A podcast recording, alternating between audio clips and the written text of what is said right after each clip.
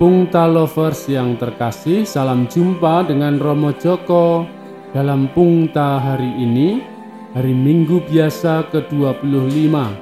Diambil dari Injil Markus bab 9 ayat 30 sampai 37. Renungan kita berjudul Servience in Humilitate. Dalam dunia binatang, kekuasaan itu sangat vital maka diperebutkan dengan segala kekuatan. Kalau kita melihat tayangan di National Geographic, keluarga kucing seperti harimau, singa, citah, macan tutul sering memperebutkan posisi siapa yang paling besar, siapa yang paling berkuasa.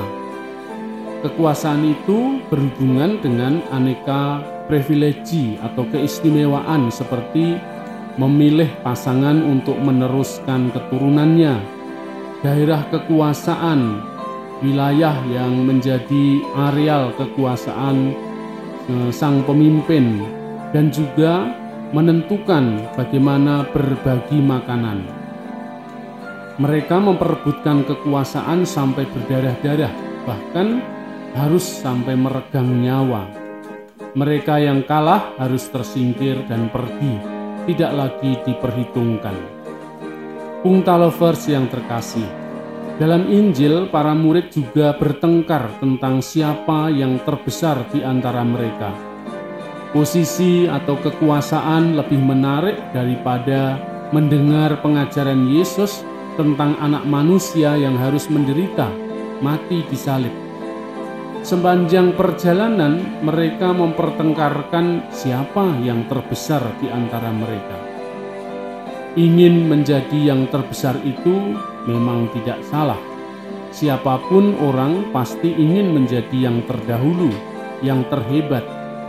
Tetapi bagaimana caranya menjadi yang terbesar, itu yang harus diperhatikan. Antusiasme para murid untuk menjadi yang terbesar sampai terjadi pertengkaran ini menjadi kesempatan bagi Yesus untuk menjelaskan maksud pengajarannya.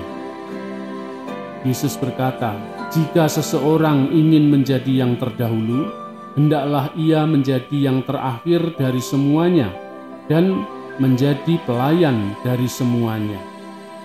Ajaran Yesus sangat kontradiktif melawan arus, berlawanan dengan kecenderungan dunia. Kalau ingin yang terdahulu, harus menjadi yang terakhir. Kalau ingin yang terbesar, harus menjadi seperti anak kecil.